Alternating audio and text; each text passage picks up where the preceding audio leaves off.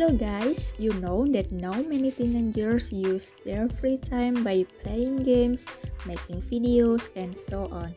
Now at this time, the application that is on the rise is YouTube. This application is an application for uploading videos, streaming, and so on. For those of you who want to create a YouTube channel to fill your spare time, here I have a way. You can watch and like videos and subscribe to channel with a Google account. But without a YouTube channel, you have no public presence on YouTube.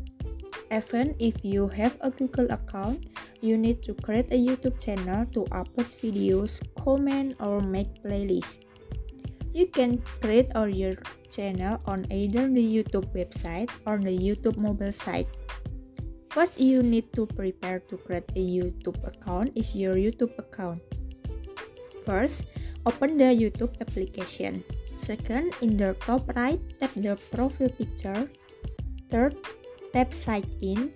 Fourth, tap and add account. If you're already signed in with a Google account but want to make a new one, first open the YouTube application. Second, in the top right, tap your profile picture.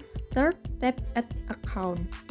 Yes, that's why the way to create a YouTube account to fill your spare, spare time.